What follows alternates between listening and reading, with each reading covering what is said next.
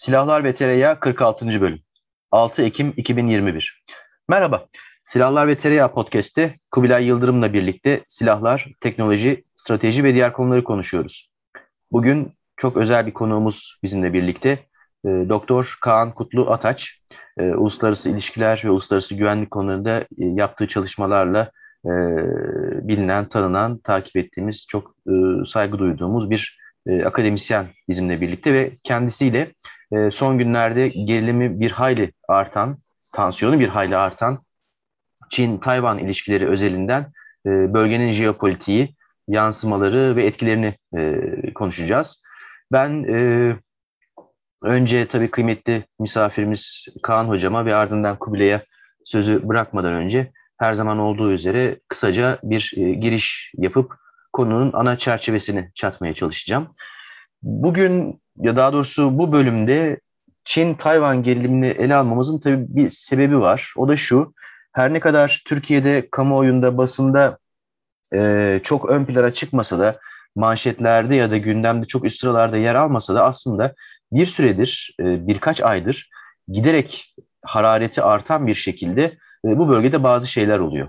Ne oluyor? E, en somut gelişmeler olarak gözlemlenebilen e, ya da takip edilebilen en somut olay olarak, olaylar silsilesi olarak e, Çin savaş uçaklarının Çin Halk Cumhuriyeti'ne ait e, çeşitli tiplerde muharip uçakların ve keşif gözetleme istihbarat uçaklarının bir süredir Tayvan hava sahası üzerinde, Tayvan üzerinde artan uçuşlarını görüyoruz. Bu uçuşlar öyle bir uçak, iki uçak şeklinde değil, çoğunlukla topluca yapılıyor. Söz gelimi en son e, 4 Ekim günü Tayvan Savunma Bakanlığı'nın açıklamasına göre 34 adet J-16 savaş uçağı, 2 adet Su-30 savaş uçağı, 2 adet Y-8 deniz karakol uçağı, 2 adet KJ-500 tipi havadan erken, erken ihbar ve komuta kontrol uçağı ile 12 adet H-6 bombardıman uçağı Tayvan'ın e, ADIZ olarak İngilizce kısaltması e, hava savunma tanımlama bölgesi üzerinde uçuş yapmış. E, Tayvan üzerinde e, Tayvanlıların iddiasına göre e, hava trafiğini, güvenliği ve Tayvan egemenliğini ihlal edecek ya da meydan okuyacak şekilde uçuşlar gerçekleştirmiş. E, bu uçuş tek değil, bir süredir özellikle 2021 başlarından bu yana giderek artan şekilde devam eden e, uçuşlardan yalnızca bir tanesi. Az önce bahsettiğim gibi her bir e, seferinde giderek artan sayıda Çin e, muharip yani askeri uçakları Tayvan üzerinde uçuyorlar. Bu aslında bir yönüyle bir reaksiyon ölçümü ya da Tayvan'ın e, nasıl reaksiyon vereceğinin ya da Tayvan üzerinden belki e, Amerika Birleşik Devletleri'nin nasıl reaksiyon vereceğinin bir testi olarak algılanabilir. Muhtemelen de bu şekildedir.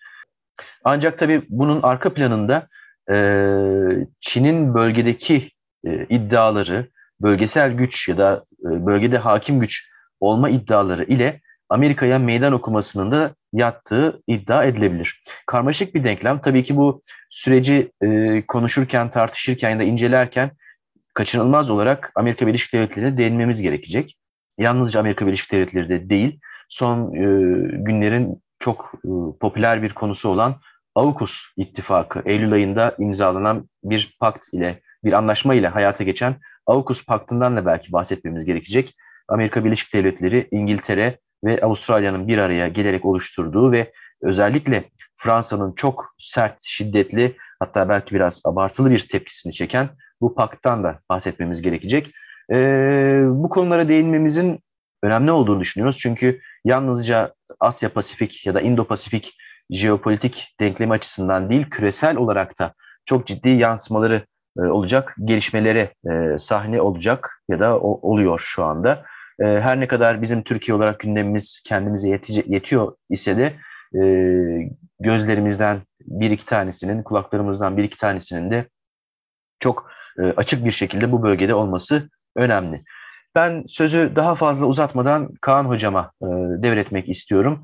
E, kendisi çok daha yakından takip ediyor, çok boyutlu bir şekilde. E, o da bize hem teorik hem e, sahadaki yansımalar anlamında bu gelişmelerin ne anlama e, geldiğini, ne anlama gelebileceğini e, anlatır. Ondan sonra Kubilay ve ben ve tekrar Kaan hocam konuşa konuşa, tartışa tartışa biraz daha konuyu netleştirmeye çalışırız. Kaan Hocam tekrar hoş geldin. Seni aramızda görmek çok güzel. Onur duyduk. Ben daha fazla gevezelik etmeden hemen sahneyi sana bırakayım. E, değerli Arda çok teşekkür ediyorum. Yani hem Kubilay'a hem sana e, böyle güzel, e, zevkli, heyecanlı bir konuda özellikle de güzel sözler için teşekkür ediyorum. Tabii şimdi olayları anlamak için yani biraz işte bu siyasi tarihle tarihsel süreçlerle ve günlük olaylarla ilgilenen, ilgilenmeye çalışan birisi olarak uluslararası düzeyde Amerikan dış politikası ile ilgili hani tozdan ve buluttan hani başlamak gerekir mi süreçlere? Bazen gerekiyor yani bir kısa tarih arka planı vermek gerekir. Yani sen o çok güzel söyledin. Yani bu e, 1 Ekim'den beri e, özellikle Tayvan'daki bu e, hava savunması ile ilgili alana ki bu alanı işte sizlerin aslında teknik boyutlarını çok daha iyi biliyorsunuz. Bu sadece bildiğimiz klasik e, egemen bir ülkenin hava sahası değil. E, Tayvan için tanımlanan özel bir saha var. Bu Amerika'nın işte büyük güç olmasının getirdiği özellik. E, yani yaklaşık e, 70 senedir e, Tayvan'la ilgili tanımladıkları bu hava savunma alanı ile ilgili, bölgesiyle ilgili süreç Çin ana karasını dahil eden bir savunma sistemine tekabül ediyor aslında. E, dolayısıyla bu Amerika'nın bu yapısı nasıl ortaya çıktı? Amerika niye bu e, Tayvan dediğimiz alana, e, Güney Çin Denizi'nin bu önemli geçiş noktasına e, bu kadar ağırlık veriyor? Tabii bunun çok önemli bir sebebi var. Sen de güzel söyledin. Yani 1 Ekim'den beri e, Tayvan e, Dışişleri Bakanlığı, Savunma Bakanlığı ve e, Tayvan Başkanlığı bu konuda e, ciddi bir e, söylem içerisine girdiler hava sahalarının ihlalleriyle ilgili. Tabii 1 Ekim önemli. 1 Ekim 1949 e, Çin e, Halk Cumhuriyeti'nin e, kuruluşu. Bu önemli. Hepimiz biliriz bu işlerle biraz ilgilenenler. 1 Ekim'deki o ünlü günde, Kurtuluş Günü'nde Pekin'deki meydanda Çin Halk Ordusu'nun o hani koreografik düzeni, disiplinli düzeni son yıllarda özellikle göze çarpan o törenler, geçişler, silah sergilemeleri sizler bunları çok yakından takip ediyorsunuz.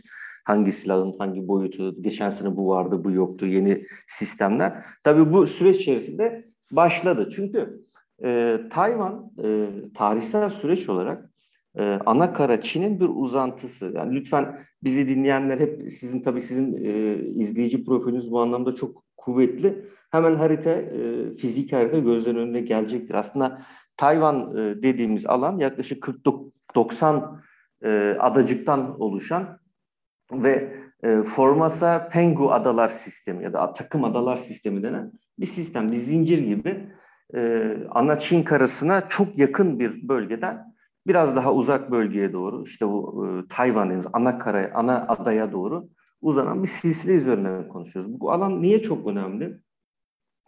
Çünkü dünya ticaretinin deniz ticareti üzerindeki çok önemli bir kısmı bu e, yakın coğrafyadan Tayvan boğazları dediğimiz bölgeden geçiyor. Bu bizim için çok önemli.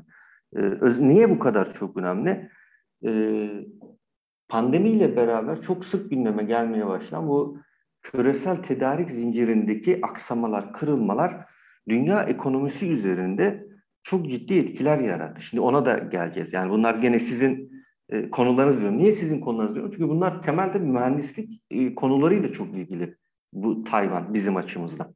Hem grand strateji hem strateji e, ulusal e, uluslararası ilişkilerdeki bu güvenlik meseleleri ittifak meseleleri e, çok önemli ama bu iş dönüp dolaşıp her şeyin başında olduğu gibi ben bunu hep vurguluyorum bütün derslerde, konuşmalarda ekonomiye dayanıyor. Dolayısıyla e, Tayvan'ın bir kendi yarattığı ekonomisi var. Tayvan ekonomisi var e, küresel düzeyde vazgeçilemez e, bir takım e, ürünleri e, dünya pazarına sunan bir e, Tayvan var.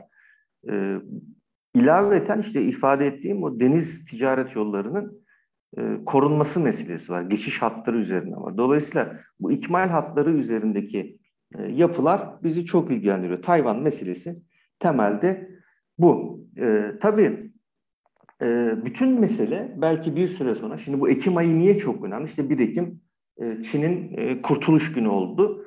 ve dört gün boyunca e, çok ciddi şekilde e, Çin Hava Kuvvetleri'nin e, Tayvan'ın e, hava savunma alanına müdahalesi oldu. Bunlar hep rekorlarla geldi. Yani o dört günlük süreç içerisinde sürekli rekorlar tazelendi. Benim takip edebildiğim kadarıyla toplamda 172'yi bulmuş gözüküyor Tayvan Savunma Bakanlığı'nın resmi açıklamaları. Bu da en önemli şekil yani yoğunluk olarak da 172 e, hava ihlalinin e, en yoğun olduğu bölgede Tayvan'ın doğusunda olan e, işte o e, Tayvan Boğazı'nın geçiş noktası olan Filipinler Denizi denen e, batı bölgesinde ciğerinde. Orada bir yoğunlaşma var. En son e, sizler tabii bunun teknik analizini e, yapıyorsunuz.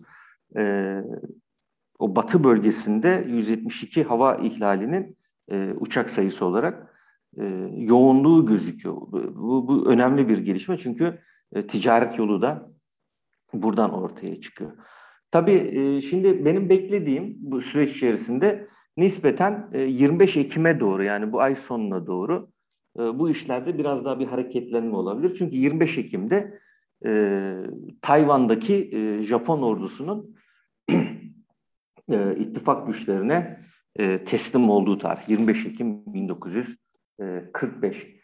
Şimdi e, bu aslında teslimek de çok ilginç bir konu. Biliyorsunuz bu 19. yüzyılın son yapısından itibaren e, işte bu 45'e kadar olan tarihte e, Tayvan e, Japonya'nın işgali altındaydı. Bu çok e, değişik bir sürece e, tekabül etti. Dolayısıyla e, bu süreç içerisinde e, Japonya'nın teslim olması e, Tayvan'la ana kara arasındaki ya da bu yukarıda söylediğimiz e, Pengu e, takım adalarının Çin ana karasıyla birlikteliğinin de resmen onaylandığı bir süreç haline geldi. İttifak ordusu olarak bunları teslim alırken siz de bunu aslında e, onaylamış oldunuz. Kaldı ki Potsdam konferansında da bu adalarla beraber ana karanın birlikteliği de ne yapılmıştı? Çin'le, o zamanki Çin yönetimiyle, Japon işgaline karşı savaşan Çin yönetimiyle bu imzalanmıştır. Dolayısıyla e, bugün konuşulan ve e, Biden'ın e, uluslararası ajanslara da düşen e, dün itibariyle e, biz e, Xi ile Çin Başkanı ile konuştuk. E, telefon üzerinden konuştuk ve bu e, konuda Tayvan mutabakatına devam etmede. Şimdi Tayvan mutabakatı diye ona bağlı kalmayla ilgili e, Pekin'le Washington arasında bir mutabakat olduğu ortaya çıktı. Dolayısıyla bir Tayvan mutabakatı, Tayvan sorunu, e, bir Formosa Adalar e, sisteminin sorunu gibi sorunlar bizi e, karşılıyor. Tabii bu süreç içerisinde baktığımızda bizi hem Soğuk Savaş'ın başlangıcı, hem 20. yüzyılın siyasi gelişmeler açısından hem de işte bugün konuştuğumuz konu itibariyle biz asıl ilgilendiren konu ana karayla bu takım adalar arasındaki bütünleşik ilişkinin, egemenlik sorununun nasıl olacağı ilgili. Çok kısa söyleyelim. İkinci savaşın hemen ardından Çin'de yaşanan iç savaşta Anakara'da Komünist Çin'in milliyetçi Çin'e karşı üstünlüğü Anakara'ya da çok yakın olduğu için milliyetçi Çinlerin Çin kuvvetlerini Şangay Şangay Şek yönetiminde Tayvan'ı ve yakın adalara kaçması ve burada da Pekin yönetimini tanımayarak uluslararası sistemde farklı bir e, Çin olarak kendini göstermesi, tanınması süreci. Soğuk Savaş'ın gerçekliği içerisinde e, Amerika Birleşik Devletleri ve onun e, kurucu düzenini sağladığı uluslararası sistemde örneğin Birleşmiş Milletler'de e, Çin Halk Cumhuriyeti tanınmadı. Çin Halk Cumhuriyeti'nin e, Birleşmiş Milletleri üyeliği olmadı. Onun yerine Tayvan, e, milliyetçi Tayvan dediğimiz Tayvan Cumhuriyet, e, Çin Cumhuriyeti olarak e, Birleşmiş Milletler'de sandalye sahibi oldu. Bu tabii çok çetrefelli bir süreç. Dolayısıyla Soğuk Savaş'ın bu ilk e, merhalesinde böyle bir süreçle karşı karşıyayız. Belki hatırlamak gerekir. Niye bu kadar çok önemli bu işler? E, Kore Savaşı'na e, Birleşmiş Milletler'in asker göndermesi e, meselesi gündeme geldiğinde Güvenlik Konseyi'nde karar alındı. İlk defa bir karar alındı askeri müdahale ile ilgili. Bu kararı alırken alınırken e, hatırlamak gerekir. E, Sovyetler Birliği delegesi Güvenlik Konseyi'nin bu toplantısına katılmadı. Çünkü Stalin'in şahsi talimatı vardı Birleşmiş Milletler'deki Sovyet delegasyona, delegasyonuna. O da şuydu, hatırlayacaksınız. E, Çin Halk Cumhuriyeti tanınıncaya kadar yani Pekin, Kızıl Çin tanınıncaya kadar ve Birleşmiş Milletler'de e, koltuk sahibi oluncaya kadar e, toplantılara katılınmayacaktı güvenlik. Tabii bu Amerika için büyük bir avantajdı. E, ve e, Kore'ye askeri müdahalede Birleşmiş Milletler'in karar alma sürecinde etkin oldu. Tabii bu çok büyük bir hata. Bu sonra anlaşıldı. Ve e, bugün şunu biliyoruz ki Güvenlik Konseyi'nin daimi üyeleri konu ve gündem ne olursa olsun asla ve asla Güvenlik Konseyi'ndeki toplantıları e, temsilcisiz bırakmazlar. Bunun önemi çok ciddi anlaşıldı. Bu niye çok önemli? Çünkü Kore Savaşı ile birlikte bu e, 25 Ekim 45'teki Japonya'nın teslim olması e, ana karayla bu takım adalar arasındaki e, egemenlik hakları ve egemenlikle ilgili o bütünlüğün tek bir bütün olarak tanınması bizi nereye getirdi? E, çok önemli bir süreç. Çin saldırganlığının uluslararası sistemde yarattığı tedirginlik içerisinde Amerika ana karaya yakın bu Çin adaları, Çin takım adaları ile ilgili süreçte 7. filoyu ve 13. E, hava kuvvetlerini e, alarme etti Truman yönetimi. Dolayısıyla bu adaların e, Amerikan çıkarlarının savunulması için öncelikli olduğu gibi bir süreçle karşı karşıya geldik. Oldukça erken bir tarihte e, Haziran 27 e, Haziran'da 25 Haziran'da işgal başladı. Kore'nin Kuzey Kore'nin güneye saldırısı 27 Haziran'da da Truman deniz ve hava kuvvetlerini e, muhtemel bir Çin saldırısına karşı özellikle e, Formosa Adası'na yapılacak muhtemel bir Çin saldırısına karşı koruma görevi için gönderdi. Yani çok ciddi bir e, süreç bu. Tabii e, bu süreçle ilgili e, Amerika'nın bir koruyuculuk sistemi gelişiyor. E, neyle ilgili? Hiç unutmamak gerekir. Amerika için öncelikli olan Pasifik'tir. Amerikan çıkarları, Amerikan grand stratejisi, Amerikan stratejisi, Amerikan ticareti, ekonomisi gibi konular konuşurken hep aklımıza gelmesi gereken bu Pasifik'in e, öncelikli rolünü hiçbir zaman akıldan çıkarmamak gerektiği. Tabii e, Tayvan'la ilgili önemli bir gelişme e, bu süreçle ilgili. E, bu karşılıklı olarak milliyet için e, ana karaya akınlar yaptı. E, kara birlikleri, küçük akınlar yaptı. İşte top atışları o kadar yakın ki işte top atışlarıyla birbirlerini tacizler oldu.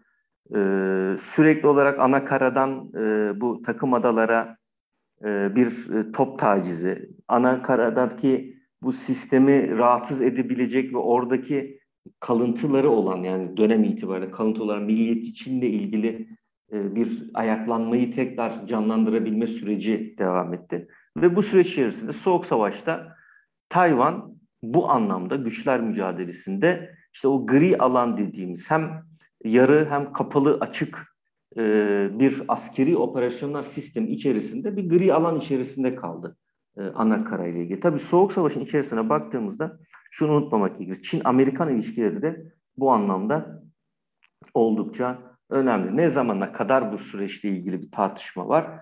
İşte e, 1971'de e, Birleşmiş Milletler'in e, Tayvan'ın e, üyeliğini sona erdirmesi, akabinde de e, ana kara Çin'i, komünist Çin'i e, Birleşmiş Milletler üye alması. Dolayısıyla bu süreç içerisinde gelindiğinde şunu dikkat etmek gerekir. Amerika'nın Tayvan üzerindeki ilişkisi Çin'le ve genel olarak küresel e, politikalarla doğrudan e, ilişkili bir e, yapıya bürünüyor. Nasıl bürünüyor? İşte 71'deki dünya sistemine e, bakmak gerekir. Örneğin hani Birleşmiş Milletler'e üyelik, e, Anakara'nın üyeliği Tayvan'ın çıkartılması süreci, temsilcileri çıkartıldı mesela yani. Birleşmiş Milletler görevlileri geldiler, Tayvan'da görevlileri çıkarttılar e, binadan. Tabii böyle bir süreç içerisinde olunca e, Tayvan birdenbire tanınma süreciyle ilgili e, boşlukta kaldı. E, Soğuk Savaş'ın o 71'i çok iyi hani biraz hatırlamak anlamında Güneydoğu Asya'da Vietnam'ın e, Amerika ile olan ilişkisi, işte Amerika'nın Vietnam'a involve olduğu süreç içerisinde hani acaba domino teorisi işleyecek de Vietnam, Indochina o bölge düştükten sonra acaba komünizm Güneydoğu Asya'dan bütün dünyaya yayılacak mı tehdidi içerisinde? Amerika'nın en önemli e, soğuk savaş hamlelerinden birisi olan Pekin'le e, Moskova arasındaki ilişkiye bir bıçak gibi girip neticede iki e, komünist gücü arasındaki e, sorunlardan yararlanarak parçalamayla ilgili süreç içerisinde Amerika tercihini e, eğer bu anlamda hani bir tercih meselesi olarak görmek gerekirse Çin'le ilişkileri ağırlık vererek Tayvan'la ilişkilerini ne yaptı? E, askıya aldı. Ama burada şöyle bir e, konu var. E, Eisenhower dönemine geldiğimizde e, Çin'in e, Tayvan e, sürecine bu hem askeri hem diplomatik bir e, saldırı süreci içerisinde 1954'te de Eisenhower yönetim güvenlik anlaşması, savunma anlaşması yaptılar. Mutual Defense Agreement'la. Dolayısıyla e, Çin'in muhtemel saldırısına karşı Tayvan Amerikan askeri korumasına girdi. Bu neyle ilgili? Karşılıklı e, savunma anlaşmalarında birbirlerine karşı taraflar yükümlü olarak e, gözükürler ve birisine saldırı olduğu takdirde diğeri de bu saldırıyı bertaraf etmekle ilgili kendi kaynaklarını harekete geçirir ve saldırgana karşı bir tavır, bir askeri tutum e, takınır. Dolayısıyla Truman'dan beri gelen e, bu Tayvan'a karşı askeri müdahalede bulunmama politikasıyla e, Tayvan'ın korunma siyasetinden vazgeçildi. E, Eisenhower'un e, özellikle işte bu e, Formasa e, rezolasyonu diye geçen Formasa Formasa yasa tasarısı diyebileceğimiz bir sistem içerisinde koruma altına aldı. Dolayısıyla e, bu caydırıcılıkla ilgili, deterrence e, stratejiyle ilgili süreç içerisinde önemli bir gelişme yaşanıyor bu e, Amerika açısından. Çin'le olan ilişkilerin temelinde. Dolayısıyla Eisenhower yönetimi silahla karşılık verme e, stratejisini, caydırıcılık stratejisini ne yapmış oldu? Bu anlamda benimsemiş oldu. Ne zamana kadar bu süreçle ilgili bir e, yapı var? İşte burada da e, Tayvan e, rezolasyonu e, dediğimiz süreç içerisinde 1979'a geldiğimizde Amerika ile Çin'in e, karşılıklı diplomatik ilişkileri tesis etmesi bizi nereye getirdi? E, teknik anlamda e, Eisenhower'ın ortaya koyduğu silahlı e, koruma sürecinden e, kısaca söyleyelim bunu da bu şekilde ifade edelim tarihsel background açısından. E, Tayvan'ın kendisine yeterli, kendi kendine yeterli savunma sistemlerini, askeri sistemlerini, kendini koruma sistemlerini Amerika tarafından destekleyerek ayakta tutabilme gücünü sağlama sürecine geçti. Dolayısıyla Amerikan desteği olarak değil, Tayvan'ın yeterli düzeyde desteğine gelmek gerekir. İşte burada belki sözü e, hemen sevgili Kubilay'a bırakmak gerekir. Çünkü e, Tayvan ordusunun Karadeniz hava e, nasıl teşkil edildiği ve bu 79'daki Çin-Amerika diplomatik ilişkinin ardından e, Tayvan'a yönelik Amerika'nın askeri politikalarında nasıl Tayvan'ın hakikaten hem bir Amerika açısından bir silah pazarı olması hem de çok kuvvetli bir donanması, çok kuvvetli bir modern e, silahlar teçhiz edilmiş bir orduya sahip olması, hava kuvvetleri özellikle işte çok önemli bir vurucu unsuru. Nasıl bu hale geldiği önemli. Dolayısıyla Amerikan stratejisindeki o 21. E, yüzyılda karşılaşacağımız e, Amerikan özellikle Biden yönetiminin Mart 2020 geçtiğimiz Mart 2021'de kabul ettiği geçici ulusal güvenlik strateji rehberinde ortaya koydu. Çin'le stratejik rekabet kavramı üzerinde isterseniz sözü bu noktada bırakın. Yani stratejik rekabeti nasıl hale kullanacak? E, belki sevgili Kubilay bu anlamda hem askeri anlamda hem de e, teknik anlamda e, sözü devam etmek ister. E, buradan e, da e, de, devam edersek aynen dediğiniz gibi biraz şeyi tanımlamak lazım. E, işte biz işte Arda iki tane mühendis olarak bir bir mühendisin gözünden Tayvan nerede duruyor? Teknik kabiliyetleri, savunma kabiliyetleri neler? Belki de işte bunların ikisini yoğurarak Tayvan niye bu kadar önemli? Onu herhalde bir miktar kurcalayabiliriz bizim e, fikrimizin yettiği kadar. E, sizin biraz önce e, hocam özetlediğiniz gibi e, şey e, aslında işte Şankay Şenk yani Milliyetçi Çin'i e, kuran işte ekip e, aslında e, şeyin e, Amerikalıların İkinci Dünya Savaşı boyunca e, e, Japonya'ya karşı birlikte ittifak ettikleri e, aslında görece tuttukları taraf.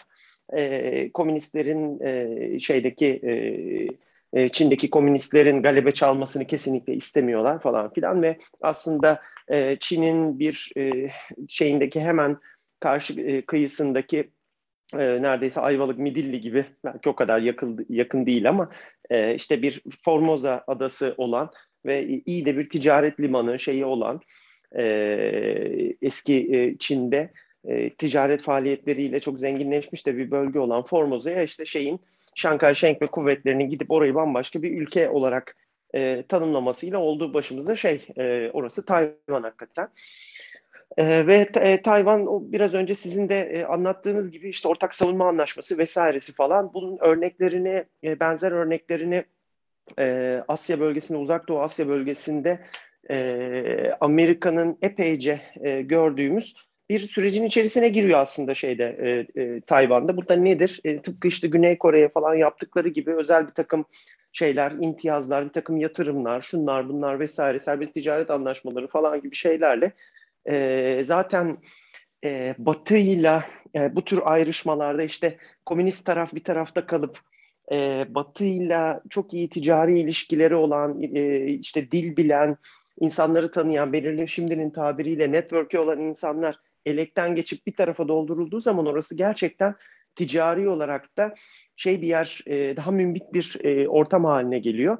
E, tıpkı işte Kuzey Kore ve Güney Kore'nin ayrışması gibi ve Güney Kore'nin gerçekten ciddi bir endüstriyel dev haline dönüşmesi gibi Tayvan'da da buna benzer bir süreci görüyoruz ve Tayvan önce işte daha ucuz yani şu anda belki de hani son 20 ya da 30 senede e, ana kara Çin'le ilgili gördüğümüz şeyin sürecin bir benzerini e, daha küçük bir şeyde e, ölçekte e, 60-70'ler ve özellikle 80'lerde şeyde Tayvan'da görüyoruz. Tayvan e, önce işte ucuz işçilikle vesaireyle falan belirli ıvır zıvır işlere tıpkı işte o plastik oyuncaklar bilmem neler gibi montajlı işlere falan girdikten sonra e, belirli e, ağır sanayiye yakın bir takım yatırımlar yapıyor. Atölyeler e, alıp başını yürüyor. Makine üretimleri bilmem neleri falan derken e, daha sonra da işte elektronik sistem montajları ondan sonra e, mikro elektronik sistemlerin üretimi falan filan derken e, Tayvan şu anda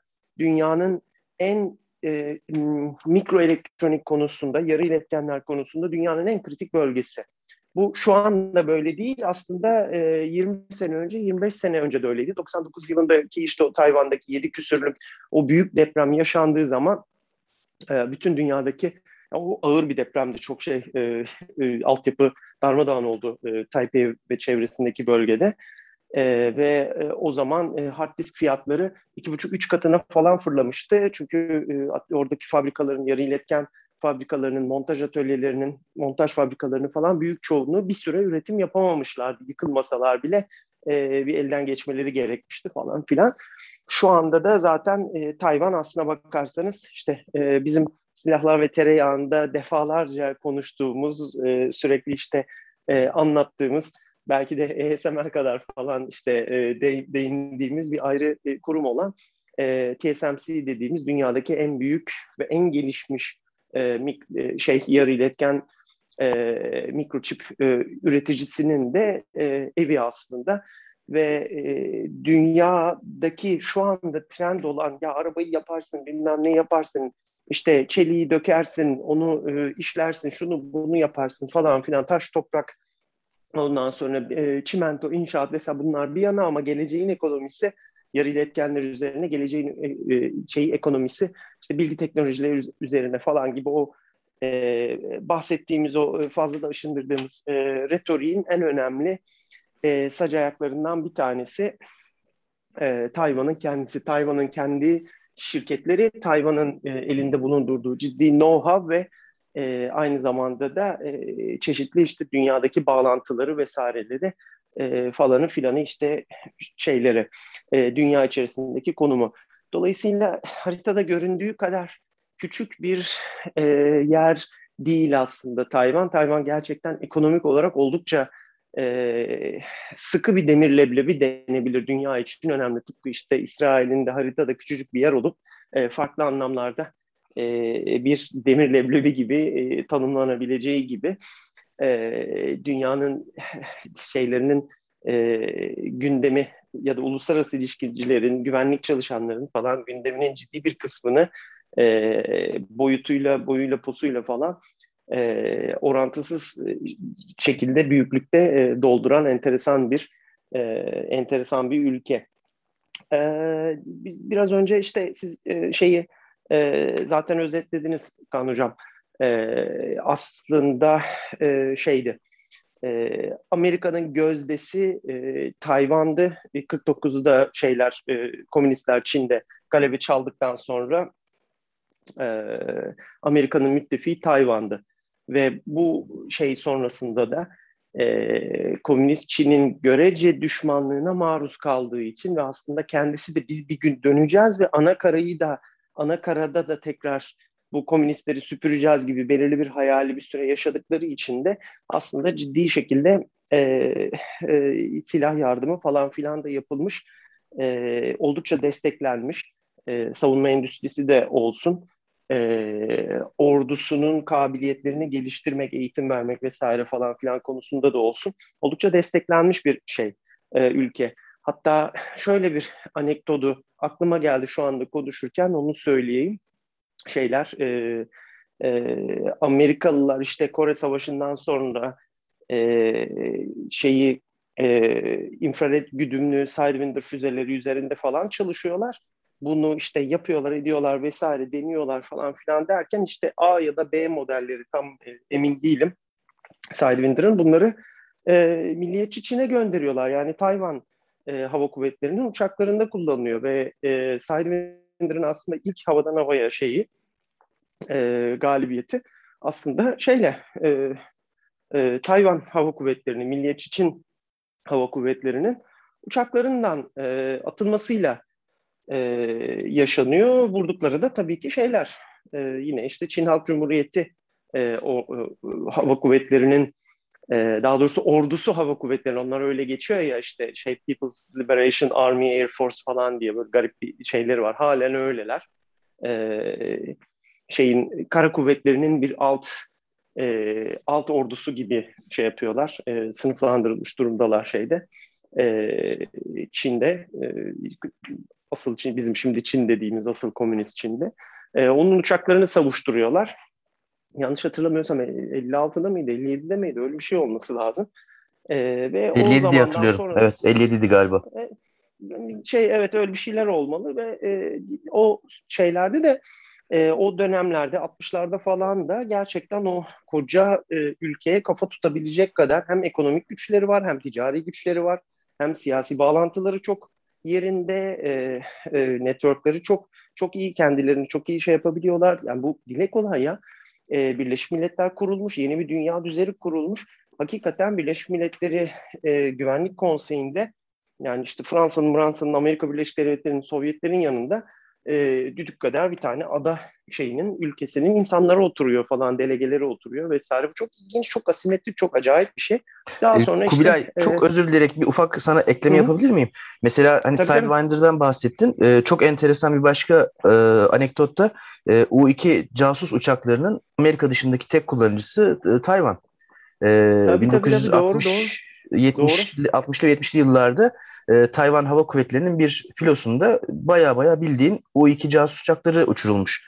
E, belki bir kısmı işte Amerikan personel vardır yoktur o ayrı mesele. E, ama işte bu o, bölgede e, Amerika'nın verdiği e, önemi ya da işte Amerika'nın e, bu e, mücadelede Tayvan'a atfettiği e, değeri belki göstermesi açısından enteresan bir şey. Tabii evet yani e, az önce Kaan Hocam söyledi ya 54'te işte Eisenhower yönetimi e, şey işte belki de hani Amerika'daki e, nadir filozof generallerden e, bir tanesi diye e, tanımlıyorlardı yanlış hatırlamıyorsam Eisenhower'ı. İşte biz halen sürekli dilimizden düşürmeyiz ya e, işte o military industrial complex e, şeyini e, sözünü. E, e, o işte şeyin e, Tayvan'la e, milliyetçi Çin'le bu e, ortak savunma anlaşmasını falan yaptığı e, yılda aynı zamanda işte şeyler Vietnam'da Fransızların canını okuyor işte şey e, e, Ho Chi Minh yani yine komünistler. Dolayısıyla e, hakikaten o domino teorisini e, çok şey yapabilecek, e, e, gerçeğe yakın e, bir şekilde e, e, gerçekçi bir senaryo olduğunu düşündürecek bir sürü olay oluyor. Dolayısıyla şey de yani Milliyetçi Çin dediğimiz adamlar gerçekten e, Amerikalıların e, İkinci Dünya Savaşı boyunca falan çok çok şey yaptıkları Kore Savaşı boyunca çok e, e, birlikte dirsek dirseğe falan çalıştıkları insanlar. E, işte bu hani Flying Tigers vesaire ıvır zıvır falan şeyler vardır ya o hikayeler Amerikalılar daha Pearl Harbor falan olmamış işte şeye e, Japonya ile savaşa girmemişler falan ama ciddi bir Amerikalı havacı e, işte Çin e, hava kuvvetlerinin altında o işte P-40'larla falan uçuyorlar. İlk şeylerle, Zero'larla Japonlara karşı e, hava muharebelerini falan onlar veriyorlar. Dolayısıyla gerçekten iletişimleri falan da çok iyi. Teknik e, teknik ve teknolojik e, bilgi aktarımı falan konusunda o sıralarda oldukça açıklar ve en önemlisi tabii eğitim yani pilotların eğitimi işte şudur budur vesaire destroyerler hibe ediyorlar falan filan. Gerçekten e, şeye kadar e, e, yani 80'lere kadar falan denilebilir herhalde şeyin e, Tayvan'ın kabiliyetleri çok yüksek. Çok yüksek e, sayıda modern işte savaş çağına sahipler, eğitimleri çok iyi, Ondan sonra işte hakikaten Sidewinder, Mindwinder falan gibi o zamanın böyle çok e, oyun değiştirici silahları e, bunları şey rahatlıkla verebiliyorlar. Ondan sonra onlar atıyor, vuruyor, kovalıyor milleti. E, çok geri kalmış ve oldukça sıkıntı içerisindeki çok köylü olan e, komünist Çin'in gözünü çok korkutabiliyorlar. Çok çok büyük bir şey. Gerçekten bir demir leblebi o zaman. Fakat e, sonrasında işte Kissinger'ın bu şeyle e, Çin'le işte arayı düzeltmesi, e, mekik diplomasileri vesaireleri falan filan e, Kaan Hocam'ın az önce söylediği gibi e, şeyde Birleşmiş Milletler'de e, Tayvan'ın yerine adeta adamları omzundan tutup çekerek bu sefer e, Çin Halk Cumhuriyeti'nin alması falan sürecinden sonra da şeyler adeta kesiliyor. Tayvan'a silah sistemleri vesairelerin aktarılması sürekli işte şeyi tartmaya çalışıyorlar. Bunun tabii iki ayrı fazı var. Bunlardan bir tanesi Çin'i bir dost olarak e, kendi yanlarına çekmeye yönelik e, gel gel yapma ve işte havuç e, verme süreci. Hakikaten işte e, ilginç örneklerinden bir tanesi e, Amerikalılar için daha çok yeni iken e, bizde de örnekleri olan Black Hawk helikopterlerinin işte daha çok çok yeni olduğu dönemlerde e, yanlış hatırlamıyorsam ilk 8-10 tane kopyasını falan şeye veriyorlar. E, Çin'e veriyorlar mesela orada şey yapsın işte belirli operasyonları yapabilsin falan diye. E, bu bölgede İkinci Dünya Savaşı'ndan sonra çok ciddi e, adalar ve belirli e, kara e, e, sınırları içerisinde çok ciddi şeyler var.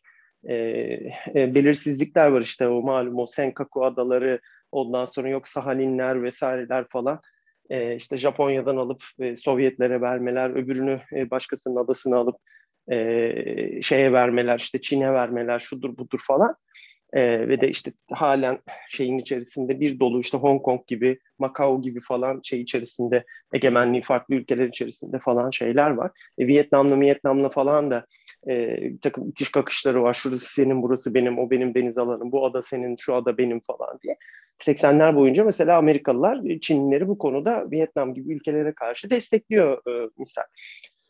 Ve e, şeyde e, Tayvan bu e, süreçte artık eskisi kadar işte en iyi uçakları alamıyor, en iyi sistemleri alamıyor vesaire. Çünkü Çin'i, daha doğrusu Çin Halk Cumhuriyeti'ni Amerikalılar Soğuk Savaş döneminde e, 70'lerin sonu ve 80'ler boyunca pek şey yapmak istemiyorlar, e, rahatsız etmek istemiyorlar. Buradaki ilginç dönemeçlerden bir tanesi, ilginç örneklerden bir tanesi şey, e, Tayvan'ın aldığı çok yüksek sayıda e, F-16 var yanlış hatırlamıyorsam 100 küsür 150-160 tane falan F-16 A ve B modelleri var.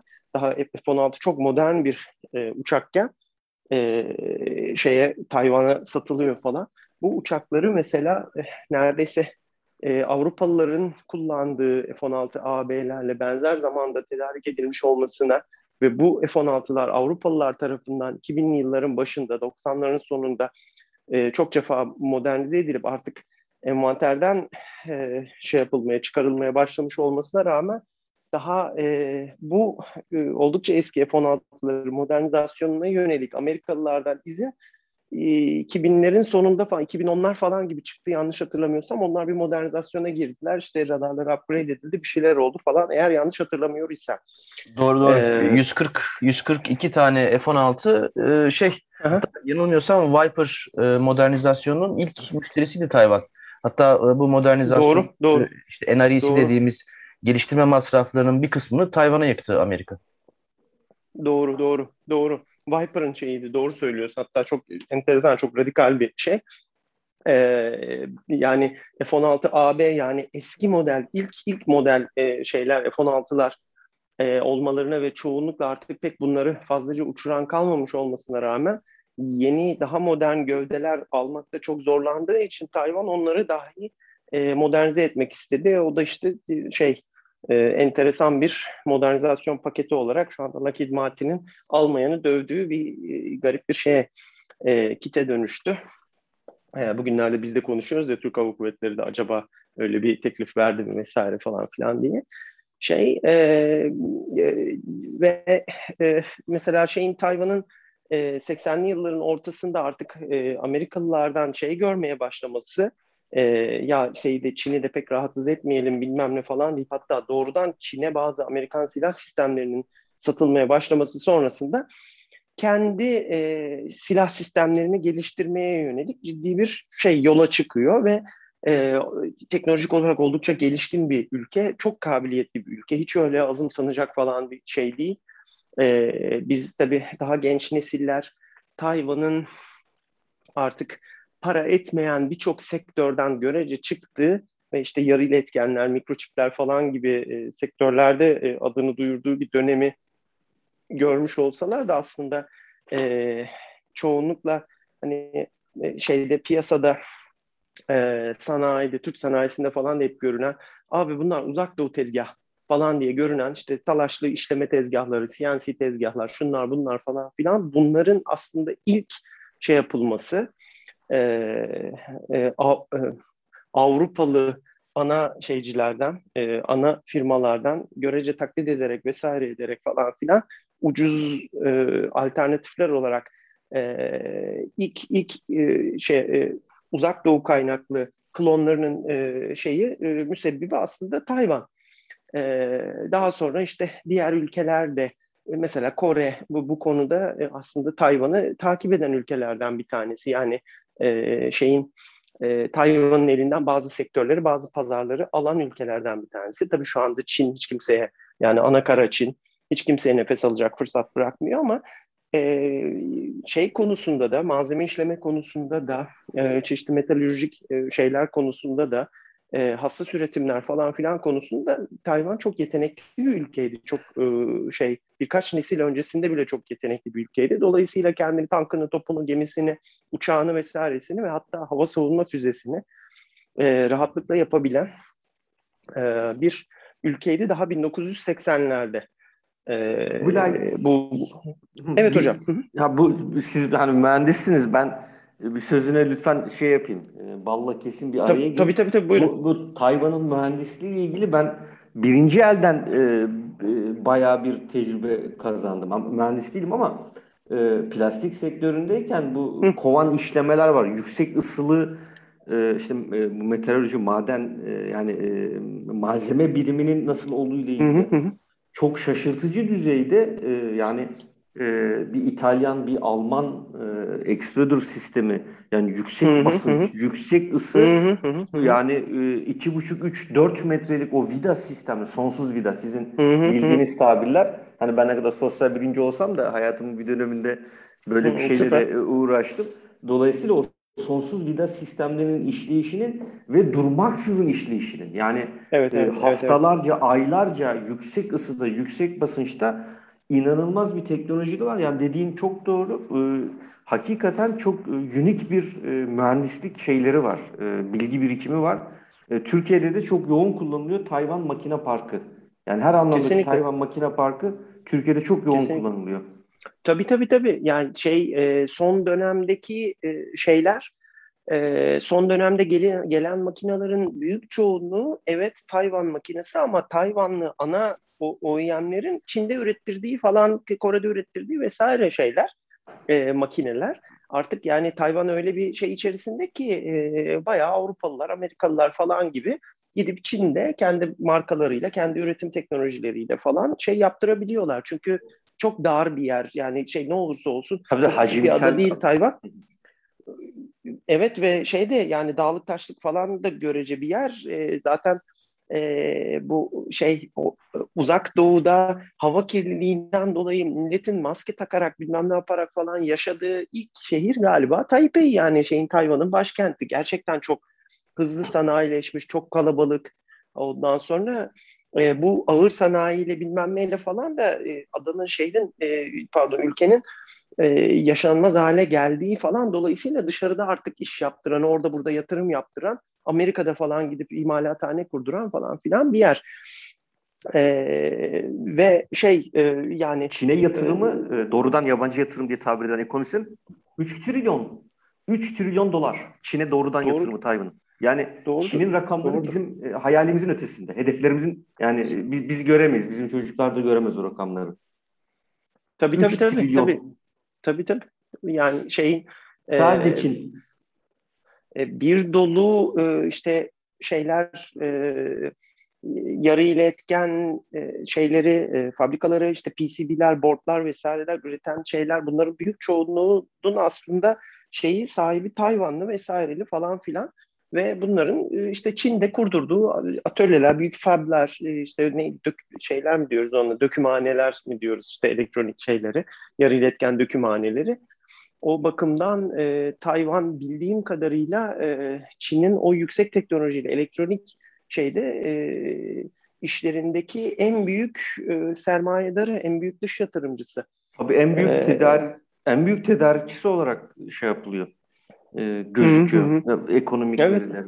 Evet evet evet şey e, yani bu da enteresan bir şey kanlı bıçaklılar bilmem neler falan ama aynı zamanda gerçekten şeye e, e, Çin'e belirli teknolojik eşikleri aç açtıran e, ve bu şu andaki o değer yaratım zincirini elektronik işte kişisel tüketim e, elektronikleri falan konusundaki belirli eşikleri aştırtan ülke ne? Şey Tayvan'a kendisi yani bu da çok ilginç, çok enteresan e, işlerden bir tanesi. Burada ee, belki şey söylemek lazım. Çin'in e, genel stratejik yaklaşımı içerisindeki e, niye kendini bu kadar açı, açtırıyor mesela e, Tayvan'a ya da Tayvan'a niye bu kadar bağımlı oluyor sorusunun cevabı belki Çin'in bizim için çok uzun dönemde olabilecek e, politik yaklaşımının Tayvan'a karşı bir beklenti silsilesi var. Belki bunu değiniriz çünkü e, Çin'in Tayvan'a karşı e, bu siyasi uzun dönemli siyasi yaklaşımlardan birisi hı hı. muhtemelen e, işte bu Çin öğretilerinin, Çin e, savaş hı hı, kültürünün. Çin stratejik hı hı. kültürünün temel yapısı içerisindeki e, bekleyerek, plante ederek, kendine bağlı kılarak evet. içeriden evet. çökertme. Yani Taipei hükümetinin ya Taipei siyasetinin hı e, muhalefet ya da Çin milliyetçiliği, Çin'e bağlılık, Çinlilik kültürü işte bunlar e, Amerika'da falan çok uzun süredir tartışılıyor aslında bu Tayvan meselesinde. Kusura bakma sözünü evet. kesim çok önemli. Yani bu açıdan çok önemli. Güzel bir nokta temas ettim. Ee, evet ya onu belki de bir gün hani ya sürekli başka konuların içerisinde Çin konuşup geçiyoruz falan filan hiç de bir böyle bir Çin bölümü falan da yapmadık aslında yapamadık yani o bir fırsatımız da olmadı. Hakikaten onları belki konuşmak lazım yani Deng Xiaoping dönemi Çin'in Çin'in hep etrafından dolaştık ama bir kendisine gelemedik galiba. aynen, aynen öyle onları falan belki işte hakikaten konuşmak lazım. Ben en son işte şunları şey yaparak söyleyerek e, e, şey yapayım, e, bitireyim. Neden peki acaba böyle garip bir şeyi, bir, böyle bir eskalasyonu görüyoruz? Ee, ben eskalasyon dedikçe bizim şeyde YouTube yorumlarında falan çok dalga geçiliyor ama yerine bir şey de koyamadım açıkçası. Ee, ya bu, bu Tırma, tırmandırma. Bu, aynen aynen doğru. Niye böyle bir şey e, bir, bir tırmandırma görüyoruz özellikle Çin tarafından. e, bunu, bunun içerisinde garip bir şey var yani e, ben, ben mesela izliyorum olayları ama ya kimin direksiyonda olduğundan çok emin değilim. Bunun üç tane ayağı var işte e, şey Çin Halk Cumhuriyeti, Milliyetçi Çin yani Tayvan bir de Amerikalılar tarafı. Bu, bu üçü bu üçünün karşılıklı birbirini beslediği böyle garip bir şeyin içerisindeyiz, sürecin içerisindeyiz. Ee, yani çok yakın zamana geri dönersek işte e, malum e, şeyin e, bir, bir ciddi bir demokrasi aslında e, Tayvan. Hiç öyle e, şey Şanghay Sheng falan dönemindeki gibi falan değil. Bayağı artık oturmuş bir şeyleri var. E, gayet de düzgün işleyen bir demokratik süreçleri var ve bir, işte bir e, devlet başkanı seçtiler. Kadın devlet başkanı e, şey e, Ingwen diye ve bunu Trump seçilir seçilmez e, 2016 seçimlerinden sonra ilk işlerinden bir tanesi bu kadını aramak oldu. E, Kaan Hocam siz bahsedersiniz bu Amerika'nın işte tek Çin politikası bilmem ne gibi bunlara doktrinal evet. isimler falan da veriyorlar ya. Veriyorlar. Bunu darmadağın etti herif mesela e, şey gitti e, doğrudan işte şeyle konuştu iki başkan birbiriyle konuştu bilmem ne oldu falan. Çin bundan inanılmaz böyle şey rahatsız. oldu rahatsız oldu. E, fakat yani e, şey de e, yani bu yönetim bu Tayvan yönetimi de aman Sayın Deli Trump yani yapmayın bizi karıştırmayın abi bu işlerinize falan lan burada bu adam beni yer falan da demedi herif. O da gayet güzel gazı verdi ve anladığım kadarıyla bir küçük bir tuzak da kurmuşlar aslında şeye. E, Trump'ın görece o Çin e, alerjisini kendi şeylerine, kendi ajandaları için sanki manipüle etmişler gibi falan da duruyor ve aynı şekilde de onlar da hiç geri adım atmadan gayet şey yaptılar ve şu anda da işte e, aynı e, Tayvan yönetimi e, bir nevi dünyayı esir almış ve yakarız bu gezegeni. Daha doğrusu hani bizi Çin'e yem ederseniz yanarsınız hepiniz biz de yanarız siz de yanarsınız falan demeye getirecek neredeyse e, e, enteresan açıklamalar falan yapıyor ve hakikaten hakikaten de öyle yani şeyin bugün e, üç tane bomba düşse şeye e, Tayvan'da herhangi bir yere zaten perperişan olmuşuz. E, çip bulunamıyor bilmem ne olamıyor falan filan diye otomobil üreticileri kan ağlıyor. Belki şeylerin dünyadaki bütün otomotiv üreticilerinin yüzde otuza yakın falan üretim kaybı var. O o şey zincir hepten kopar. Daha da bir daha ne zaman kendimize geliriz? Bir daha işte bu podcast yapacak. Telefonumuz bozulsa, bilgisayarımız bozulsa bir şey bulabilir miyiz falan. Onların hepsi gerçekten şey e, muamma. Böyle de garip bir e, şeyin e, ne derler ona terazinin e, şeyinde e, entere, garip bir ülke. E, öyle ve ama şeyde Çin'de bunu taciz etmekten gerçekten hiç geri kalmıyor. Yani şeyden e, Çin Halk Cumhuriyeti'nden e, bahsediyorum. E, burada hani blöfünü gördüm ben de el arttırıyorum falan dercesine çok e, böyle garip izlemek gereken enteresan bir sürecin içerisine girdik diyeyim ben de kapatayım kendi şeyimi sözümü. Ee, burada şöyle bir şey aslında e, sizleri dinlerken benim aklıma geldi. Zaten bir süredir üzerinde düşündüğüm e, bir şeydi ya da kafa yorduğum bir şeydi. Yalnızca hissi kablel vuku ya da acaba bu böyle midir diye düşündüm. O da şu. Çok gizemli bir giriş yaptım aslında öyle gizemli bir şeydi değil. Belki çok saçmadır. E, bu Tayvan meselesini ben e, Çin'in termoplayesi gibi biraz görüyorum. Ne demek istiyorum? Termoplayi deyince belki e, konunun ilgisi ya da tarihe ilgisi olan e, dinleyicilere bir anlam ifade edebilir ama belki e, çok e, çağrışım yapmayan, yapmayan e, dinleyiciler de olabilir. E, 300 Spartalı e, diyeyim daha anlaşılır olsun. İşte e, Ahameniş İmparatoru işte Zerhas ya da Xerxes diye yazılıyor gerçi. Onunla meşhur Spartalılar arasındaki savaşın vuku bulduğu o dar geçit, ateş geçitleri diye galiba Türkçe'ye çevriliyor. Yanlış hatırlamıyor isem. Şimdi oradaki e, o, o geçidin esprisi ne? Devasa bir ordu ama tam böyle bir Huni gibi bir yerde sıkışıyor. O Huni gibi yerde de işte o Spartalı kaslı kuvvetli e, yiğit Yağız e, askerler kalkanlarını o dar boğazda şey yapıyorlar ve önlerine gelenleri teker teker teker teker teker teker e, zımpara ile e, ahşap arasındaki ilişki gibi erite erite şey yapıyorlar. Orduyu e, alaşağı ediyorlar ya da işte destan yazıyorlar her neyse nereden bakarsanız. E, Tayvan meselesi de aslında az önce e, bahsettiğiniz gibi bu asimetriden kaynaklanan bir e, durum var. Şöyle ki bir yanda tabii küçücük bir yani Google Earth'ten ya da bu işte e, haritadan falan baktığınızda Tayvan hakikaten e, mini minnacık bir ada. Her tarafında yani ada devlet gibi bir şey aslında.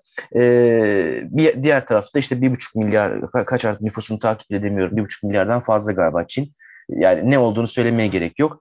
İnanılmaz bir asimetri var. Ee, Tayvan e, zannediyorum işte e, Kırım gibi, Kıbrıs gibi e, dünyada kilometre kare başına en fazla silahlanmış toprak parçası ya da ada diyelim. Öyle bir coğrafya. E, muazzam bir şey. E, karşısında tehdit var. E, ama öte yandan da hani bu asimetrinin bir diğer tarafındaki Çin içinde ciddi bir dar boğaz gibi. Yani şöyle, şimdi Çin son yıllarda Boğazındaki ee, kılçık gibi aslında. Aynen kılçık yani ve çok sert bir kılçık. Yani, o evet. yalnızca Tayvan'ın kendisiyle sınırlı olan da bir şey değil. Hayır. Şimdi Çin'in şey. Çin'in silahlanma e, faaliyetlerine bakıyorsunuz. Ee, özellikle Çin kaynaklı internet sitelerinde, forumlara falan baktığınızda işte yani J-20'yi falan biliyoruz. J-10 savaş uçakları ama mesela en çok önem atfettikleri platformlardan bir tanesi Y-20 nakliye uçağı. Jet motorlu bu dış görünüş olarak Amerikalıların C-17'sine çok benzeyen bir nakliye uçağı ya da işte iki tane deniz şey, e, deniz kuvvetleri için iki tane uçak gemisini hizmete aldılar. Üçüncüsünü şu anda inşa ediyorlar. E, onlarla birlikte helikopter çıkarma gemileri inşa ediyorlar. E, nakliye gemileri ya da denizde ikmal gemileri. Ya şunu söylemeye çalışıyorum.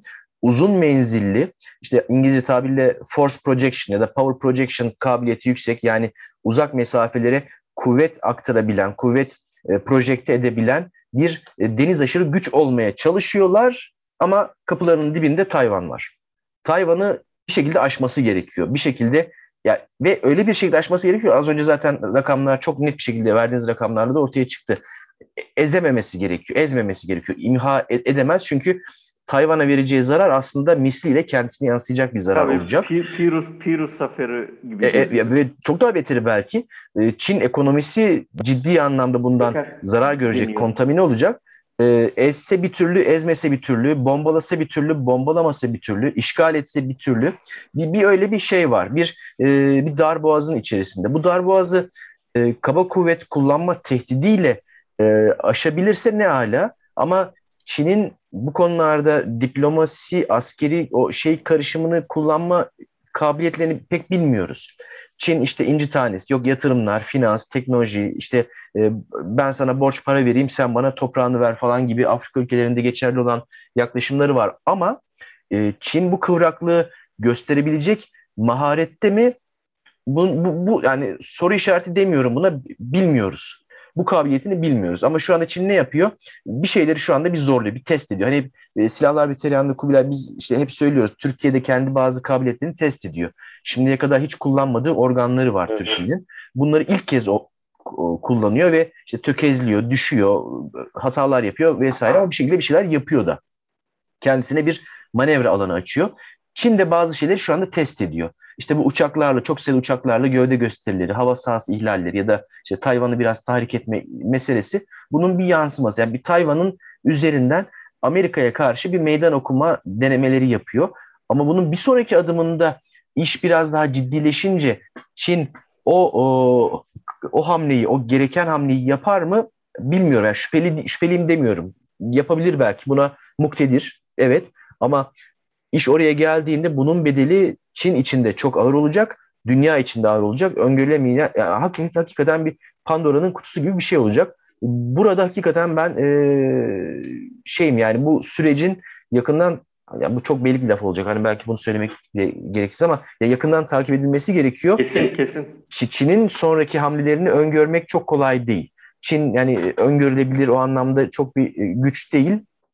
Ee, işte bu yüzden de zaten e, Washington'da, Londra'da, işte Canberra'da ya da pek çok büyük başkentte e, eli kalem tutan, e, ağzı laf yapan, e, mürekkep yalamış asker sivil herkes bu aralar e, Çin ne yapıyor, ne yapabilir bunun üzerine yazıyor, çiziyor. Bu aralar genel geçer akçeler bunlar. Bu bizim için çok çok önemli bir mesele diye düşünüyorum diyeyim. E, Kaan Hocam sana bırakayım sözü. Ondan sonra da ufak ufak toparlayalım. Şimdi e, sevgili Kubilay'ın bıraktığı yerden devam edersek ne anlama geldiğiyle ilgili. Yani e, işte sevgili Arda senin de söylediğin bu Çin'in muazzam bir askeri kapasitesini artırarak hava, deniz, bir deniz aşırı operasyon, hava indirme operasyonu, denizden çıkarma operasyonu süreci ne ifade ediyor? Aslında tarihten gene elimizde bir örnek var. Bu çok bilinmiyor bizde, Türkiye'de. İkinci Dünya Savaşı'nda işte söylemiştik Japon işgali altındaki bir bölgeydi.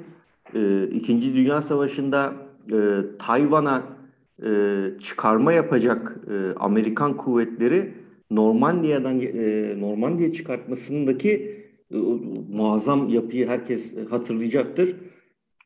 kat be kat fazla. 4000 gemi ve 400 bin askerlik bir işgal planı var Amerikalıların elinde. Eğer savaş devam etse ve e, askeri mücadelede Tayvan'a e, bir saldırı olsa 4000 gemi ve e, 400 bin askerle e, başlangıç yapacaklar. Normandiya'dan çok daha büyük bir operasyon. E, Tayvan'ın diğer bir özelliği biz hep hani e, soğuk savaş içerisinde nükleer e, savaşa da, doğru bir kriz eşiklerinde hep işte klasik e, Küba örneğini e, veririz. E, şunu unutmamak gerekir. E, Eisenhower döneminde 1954'te e, stratejik hava bombardıman uçaklarına e, nükleer silahlar, bu Tayvan krizleri aslında bir silsile. E, Birçok Tayvan krizi var. E, nükleer uçak, e, nükleer silahlar stratejik uçaklara yüklendi. Yani başkanın emriyle e, bu haldeydi e, e, Tayvan'ın özelliği. Peki bu bizi teknik anlamda nereye getirir? E, sevgili de, değerli dinleyicilere e, şunu tekrar hatırlatmak gerekir. Bir fiziki harita üzerinden e, Tayvan'ın arazi arızalarının e, Kubilay deyinde ne kadar çetrefelli, ne kadar yoğun olduğunu ortaya çıkarmak gerekir. Belki bu e, son bölümde şöyle bir toparlama yapmak gerekir. İşte e, Arda senin de bıraktığın noktadan devam edersek e, bir yani yani maksimum danger e, year olarak bir şey ortaya konabilir mi? Yani e, Çin'in e, saldırması kaçınılmaz bir süreç mi olacaktır? E, bir Great Power Competition'dan daha ziyade strateji competition sürecine e, ifade edilen bir Amerikan yaklaşımı içerisinde e, olay nereye e, evrilecek? E, kimi uzmanlar ki artık bunu e, Çinli e, medya diyelim ya da Çinli akademik yapı e, Tayvan'a karşı 2025'i e, örnek gösteriyor. Yani 2025'te hava ve deniz operasyonlarını e, Tayvan'a karşı e, operatif halde getirebileceğini söylüyor. Kim uzmanlar da bu e, maksimum yıl olarak da 2035'e e, işaret ediyor. Dolayısıyla e, acaba hani e, Amerika'da çok sık kullanılan, grand stratejide kullanılan yani Çin'le Amerikan e, mücadelesi acaba Tukidides e, işte e, Arda senin söylediğin e, Termopele Savaşı'nın e, getirdiği bir süreç içerisinde arkasından hani bu Isparta, Atina e, e savaşları evet, sürecinde evet. Peloponnes acaba Tukrides tuzağına doğru bir evrilme, kaçınılmaz bir çatışma sürecine doğru e, gidişle mi e, sonuçlanacak? E, tabii bunun hem e, bunu destekleyen görüşler de var. Bunun aksi olacağını çünkü e, elimizde e, yaşanmış tecrübeler olduğunu dolayısıyla ne Pekin'in ne de Washington'un e, bir çatışma sürecine gir, e, gireceğine dair e, bir işaret olmadığını söyleyenler var. Ve fakat şu önemli, bu son 1 e, Ekim 4 Ekim arasındaki e, süreçte örneğin dün itibariyle Çin devlet medyası, işte Çin medyası deyince zaten devlet başka bir şey yok. Üçüncü Dünya Savaşı'nın eşiğine geldiğini ifade etti. Dolayısıyla bu krizin tırmanma sürecinde e, şunu unutmamak gerekir. E, aslında Çinilerle e, uğraşıyoruz biz. Yani Çinileri anlamaya çalışıyoruz. Her ne kadar Tayvan Tayvan diyorsak da Tayvan'da aslında Çin kültürünün bir uzantısı Tayvan yönetimi. Dolayısıyla e, o hani e, kesinlikle aşağıdan almama Kubilay'ın ifade ettiği kesinlikle aşağıdan almama e, eli yükseltme süreci e, bizim e, büyük güçlerle e, nispeten orta seviyedeki güçlerin mücadelesi içerisinde küçük e, güçlerin, büyük güçleri kendi çıkarları içerisinde bir leverage efekt olarak, bir kaldıraç etkisi olarak e, çatışmaya ya da kriz süreçlerine evrilmesiyle ilgili, kendi içerisine çekmesiyle ilgili bir süreçle karşı karşıyayız Taipei yönetimi tarafından. Dolayısıyla şunu unutmamak gerekir, tam bu süreç içerisinde işte iki gün oldu. E, Tayvan Başkanı e, Sayın'ın e, Foreign Policy'de e, yayınlanan e, değerlendirmesinde eğer Tayvan e, bu mücadelede yani e, küresel mücadele içerisinde e, Çin'e karşı kaybederse, e, bir Çin işgaline uğrarsa e, Amerika'nın en önemli değer verdiği bu küresel mücadeledeki e, demokrasi e, üstünlüğü totaliter yönetime karşı bir kayıpla e, olacaktır. Dolayısıyla bu tehditler e, Taipei yönetimi tarafından e, çok ciddi şekilde e, ortaya konuyor. Peki bu süreç içerisinde biz e, neyi e, bekleyebiliriz? E, belki e, kabaca birkaç düzlemden bahsetmek gerekir. Bir e, askeri bir süreçle karşılaşılabilir mi? Yani bir e, Tayvan'ı işgal e, süreci olabilir mi? E, bu konuda çalışan uzmanlar e, imkan ve kabiliyetinin Çin e, halk ordusunun imkan ve kabiliyetinin henüz o aşamaya gelmediğini, dolayısıyla işte operasyonel eksikliğinin e, olduğunu e, ifade ediyorlar. Diğer bir konu uluslararası siyaset anlamında Çin'in e, bir küresel güç olma yolundaki test edilmemişliğinin e, süreci burada test ediliyor aslında e, Çin açısından. E, bir e, gücün sürekli olarak e, sert güçle kendisini ifade edebileceği bir süreçte Tayvan'da ne kadar dayanabilir e, Çin yoksa e, ekonomik baskılama yöntemiyle ya da e, işte bu ortaya konan değişik Çin projeleriyle e, dünyayı ekonomik anlamda kendisine bağlayacak bir sürece mi devam edecek, evrilecek? E, bu da bir e, tartışma konusu. E, diğer bir konu e, endişe kaynağı olarak ortaya çıkan e, diğer bir konu. Hong Kong örneği üzerinden acaba Tayvan okuması nasıl yapılır diye bir e, tartışma var. İşte biliyorsunuz Hong Kong'un işte Çin'in birkaç e, özel yönetimi var. Hong Kong bunlar içerisinde önemli bir yapı. Yani Batı tarzı bir demokrasinin, Batı tarzı bir medyanın, politik çeşitliliğin artık Hong Kong'da olmadığını biliyoruz. Hong Kong'daki e, yakın dönemde çıkan e, güvenlik yasasının e, acaba e, nasıl bir sonuç vereceği ile ilgili henüz tartışmalar devam ederken Hong Kong üzerindeki baskı üzerinden böyle bir süreç içerisinde acaba Çin kendisine ikinci bir tırnak içine söylüyorum Hong Konglaşma sürecine cesaret eder mi ya da politik sermayesini bu yönde harcayabilir mi? Bu da bir soru işareti olarak ortaya çıkıyor. Dolayısıyla bu hani kontrollü krizin e, acaba çatışma da olabilecek, silahların e, namlularda dumanların tütebileceği bir süreç olabilecek mi tartışması da e, önemli bir tartışma. Ancak şunu unutmamak gerekir. E, neden böyle bir e, süreçte karşı karşıyayız? Bu aslında 2020'de e, Pekin yönetiminin Şin'in ifadesiyle e, bir sene olacak, işte yaklaşık bir sene olacak. E, gerekirse e, tek Çin politikası e, doğrultusunda e, savaştan kaçınmayacaklarına dair sert ifadeleri var, net ifadeleri var. Yani kimse el alçaltmaya bu anlamda yanaşmıyor. İkinci bir konu Amerika'nın hani tırnak içinde söyleyelim süper güç, hegemon güç e, erozyonuna uğradığı bir dönemde işte ki Afganistan çekilmesi de bunu tetikleyen etkilerden birisi. Acaba böyle bir süreçte ben neyi kazanç e, hanesine yazabilirim e, mücadelesini Pekin e, veriyor gibi e, gözüküyor bu anlamda. Ama şöyle bir şey var. E, ittifak yapıları içerisinde e, farklı bir e, Çin'le mücadeleye girmeye çalışan e, Amerika'nın e, Tayvan üzerinde kaybedeceği her bir puan bu Çin'in e, tırmandırma strateji içerisinde kaybedeceği her bir puan muhtemelen Indo-Pasifik, Asya-Pasifik, Orta Doğu, e, işte Afrika, Avrupa e, süreçlerinde Amerika açısından acaba e, hem formal askeri ittifak yapılarıyla hem de kurmaya çalıştı. İşte AUKUS'un belki silsilesi de buna dahil olacaktır. Bir soru işaretli bir Amerikan gücü mü olacaktır müttefikleri açısından? Bunlar bizi nereye götürüyor?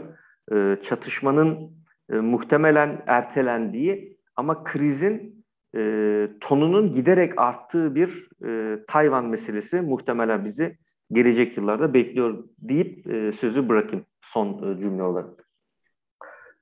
Ee, aslında güzel yerde bıraktın hocam. Ee, hem bir sürü şeyi yani açıkladın, bir sürü de e, bize ödevler verdin. Düşünecek, araştıracak, okuyacak.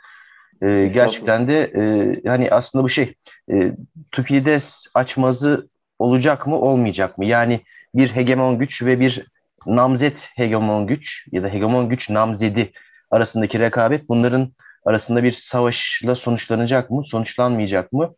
Ee, ben burada yani uzun süredir bir savaş ya da savaş görünümlü bir şey olabileceğine dair bir beklenti içerisindeydim. Ancak galiba yani son zamanlarda özellikle işte bu mikroçip krizi ya da işte e, bu ticaret savaşlarının beklenen etkiyi veremediği, Amerika'ya beklenen faydayı veremediğine dair değerlendirmelerin artmasıyla birlikte ben bu e, çatışmanın sıcak bir çatışma ya da topyekun bir savaş değil başka bir şekilde bir enerji boşalması şeklinde e, olabileceğini düşünmeye başladım. E, emin değilim tamamen bir hipotezdir denenmesi gerekiyor. Tabii nasıl denenecek o da ayrı mesele. Ama, ama e, öyle ya da böyle çok sürdürülebilir bir gerilim hali yok gibi gözüküyor. E, Kubilay istersen sen de e, ne derler İngilizce tabirle concluding remarks yani toparlayıcı notlarını da paylaşırsan sonra bu güzel keyifli bölümü e, burada kapatalım. Hakikaten o remark tarafı tam bana göre. Zaten hemen böyle hızlıca değil mi? Bir executive summary yapabilirim zaten kesin ben.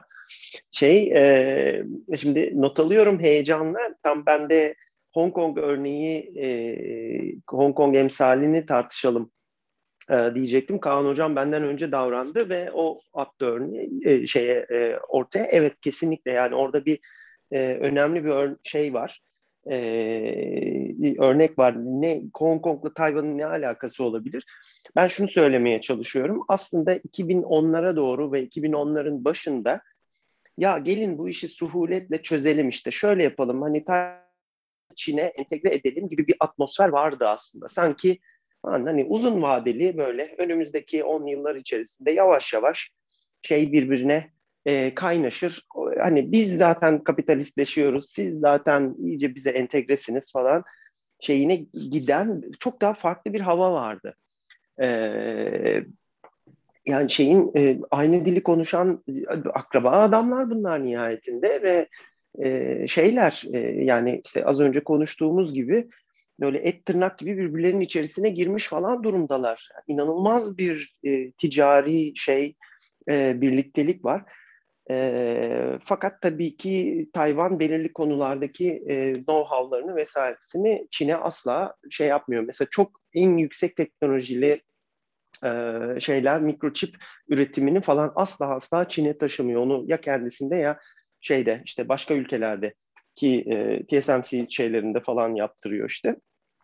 E, fablarında e, yaptırıyor. Onun gibi bir takım şeyleri tutuyor olsa da inanılmaz iç içe geçkin e, durumdalar. Fakat e, yakın zamanda son birkaç yıl içerisinde bizim aslında işaret fişeklerini Trump döneminde falan gördüğümüz e, bir bir yırtılma oldu. Amerikalılar kendi pozisyonlarını artık belirlerken ve onu da Trump'ın son derece böyle o vulgar şeyleriyle e, tavırlarıyla falan yaparken aslında herkese de iyi kötü bir e, o e, Asya tarafında bir nizam verme e, bir hani şey geliyor bir üstünüze başınıza çeki düzen verin e, şeyini e, havasını e, yaratmayı başardı aslında. Bugün de bunun işte e, sonuçlarını az çok görüyoruz. Bu bir e, Trump gelir, Biden gider, o olur, bu olur falan filan ama o yola girildiği belli işte. E, hemen hemen hiçbir şey değişmiyor şeyle ilgili. E, Asya tarafı ve Çin'e karşı e, oluşla ilgili neredeyse hiçbir şey değişmiyor ki bunu ta geriye doğru dönüp şeyle e, Obama dönemine işte o pivot to Asia, ondan sonra Çin'e, Indo-Pasifik, e, pardon şeye, e, e, Batı Pasifik'e artık Indo-Pasifik denmesi falan gibi nomenklatürün değişmesiyle vesaireyle falan şeyle e, görüyoruz. Ama e, ben burada şunu görüyorum. Çin halen teknolojik olarak silah sistemleri geliştirebilme kabiliyeti, pardon Çin diyorum şey e, Tayvan oldukça yetenekli bir ülke. Ve e, hızla böyle bir anda e, hani Patriot Pack 3 seviyesinde falan bir füzeyi, çok gelişmiş radar sistemlerini bilmem neleri ortaya koyabiliyor. son 8-10 yıla baktığımız zaman da Çin'in çok gelişmiş e, işte süpersonik gemi savar füzeler, e, belirli balistik füzeleri e, terminal şeyinde fazında havada vurabilecek PAK-3 benzeriyle böyle TAAT füzesi benzeri aralarında ortalarında e, bir yerlerde performans gösterebilecek yerel şeyler falan ortaya çıkardığını ve e, Amerikalıların artık eli de, ellerini çok daha rahatlatacak şekilde çeşitli teknolojileri ve çeşitli silah sistemlerini onlara aktarabildiğini vesaireyi falan filan görüyoruz. Ee, şöyle bir e, e, doktrin, bir postür değişimi içerisine girdiğini gözlemliyorum ben Tayvan'ın. Biraz İranlaşıyor e, Tayvan. Yani e, Çin'in artık ofansif kabiliyetleri çok yüksek. Balistik füzelerle Tayvan'ı yerli bir edebilir. Çıkartma gemileri, donanması çok büyük. Hava kuvvetlerinin kabiliyetleri çok arttı ve sürekli artmaya devam edecek. İşte en son e, artık bugünlerde toplanıyorlar bu Zhuhai'deki e, Çin'deki şey e, hava gösterisinde işte J20'yi kendi WS-10 motorlarıyla falan uçurdular. Ne şunu yapamaz, bunu yapamaz. Hayır onu da yapıyor, bunu da yapıyor falan alıyor, uçuruyor vesaire falan filan. E, ona artık böyle F-16 kaldırarak bilmem ne yaparak falan Tayvan'ın bir şey yapması mümkün değil. Ama yüzlerce binlerce e, füzeyle e, gemi savar füzesiyle gerçekten kendisine doğru yaklaşan bir Çin donanmasını epeyce perişan edebilecek, arkasından Amerikan desteğini falan da alırsa konvansiyonel olarak da canını okuyabilecek falan bir kuvvet haline geliyor şey. Ee, oraya oraya rahatlıkla gidebilir. Ekonomik gücü de var, teknolojik gücü de var ki zaten artık e, Amerika tarafından da o musluklar açılacak gibi görünüyor. Teknoloji, teknoloji e, ya da platform e, muslukları. O bakımdan enteresan bir yere gidiyor. Fakat bu enteresan gidiş tabii öyle bir şey haline geliyor ki Amerikalılar için Tayvan'ın kendi yanlarında ve Çin'e herhangi bir şey yaparsa çok zarar verebilecek, onun çok canını yakabilecek seviyede tutulması çok önemli. Çünkü Çin ilk böyle herhangi bir şeyde donanmasını falan çıkarıp hava kuvvetleriyle falan ilk üzerlerine doğru gelmeye başladığı zaman o hani Matrix'teki sentineller falan vardı ya hatırlıyor musun? O egzoskeletonları gi- giyiyorlardı. Şu makinalı tüfekler o garip şey mitralyözlerle.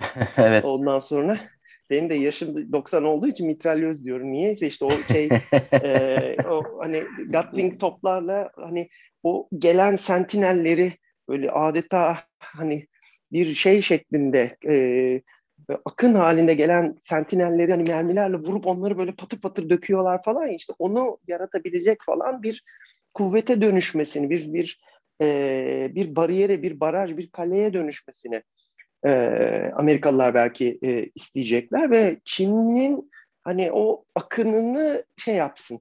Tabii ama bir, bir şeyi de eklemek lazım diye. Kubilay. O filmde hatırlarsan e, bir yerden sonra sentineller öyle bir yağıyordu ki e, robotların o şey, e, şey evet. Apu muydu onların adı? Onların ateşleri yetersiz kalıyordu. Evet, evet, evet. evet.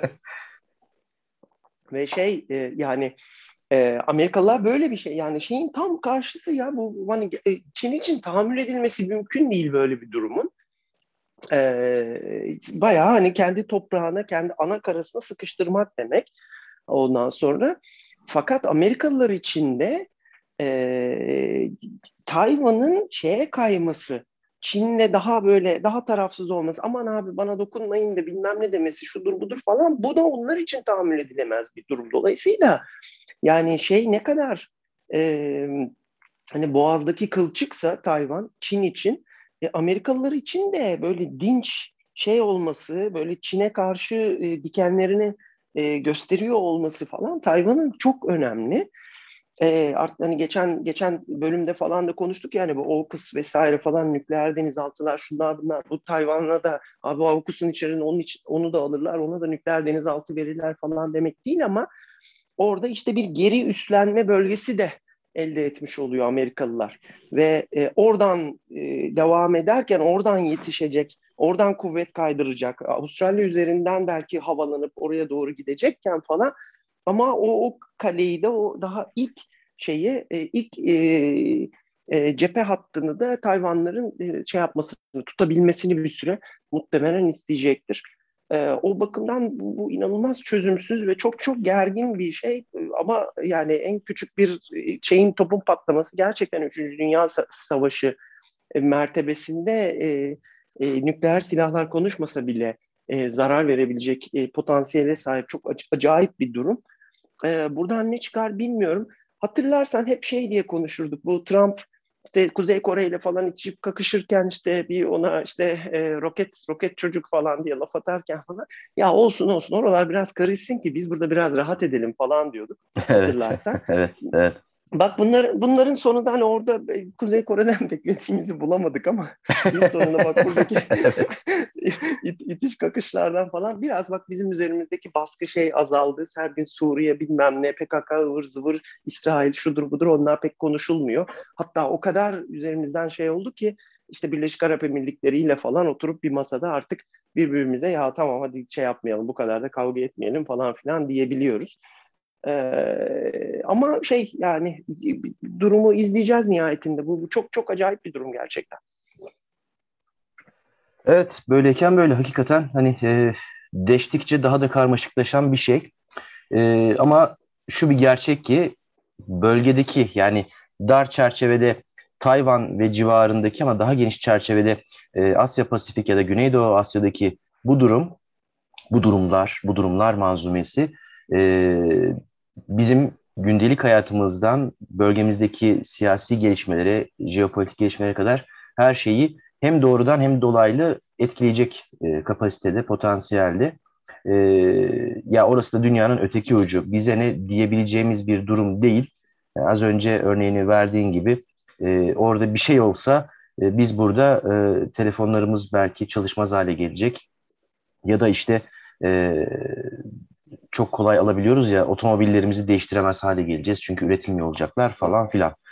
Ee, daha konuşacak çok konu var. Ee, Kaan hocama ben e, tekrar tekrar teşekkür etmek istiyorum çünkü e, hem tarihsel arka planı çok net bir şekilde, güzel bir şekilde verdi hem de e, üzerine düşünecek, e, araştıracak e, çok böyle güzel anahtar kelimeler ya da e, doneler verdi, başlıklar verdi e, konuyu farklı perspektiflerden ele almak için bize e, güzel bir açılım sağladı. E, kendisini tabii ki hani e, bunu saymayız, tekrar bekleriz e, kabilinden e, uğurlamıyoruz. E, sadece tekrar görüşmek üzere diyoruz. Kaan Hocam e, konuğumuz olduğunuz için tekrar tekrar teşekkür ederiz size. Ben teşekkür ederim. Çok çok zevkliydi. Ben de e, hakikaten yeni yeni şeyler öğreniyorum. Benim şimdi kafamda da ben de notlar aldım kendime dersler niteliğinde. Ee, başka açılardan da en azından bakma şansım e, oldu. Çok teşekkür ediyorum. Sağ olun. Ee, evet, yine e, nokta değil bir virgül koyuyoruz. 46. bölümün bu şekilde sonuna geldik. Sonraki bölümlerde görüşmek üzere.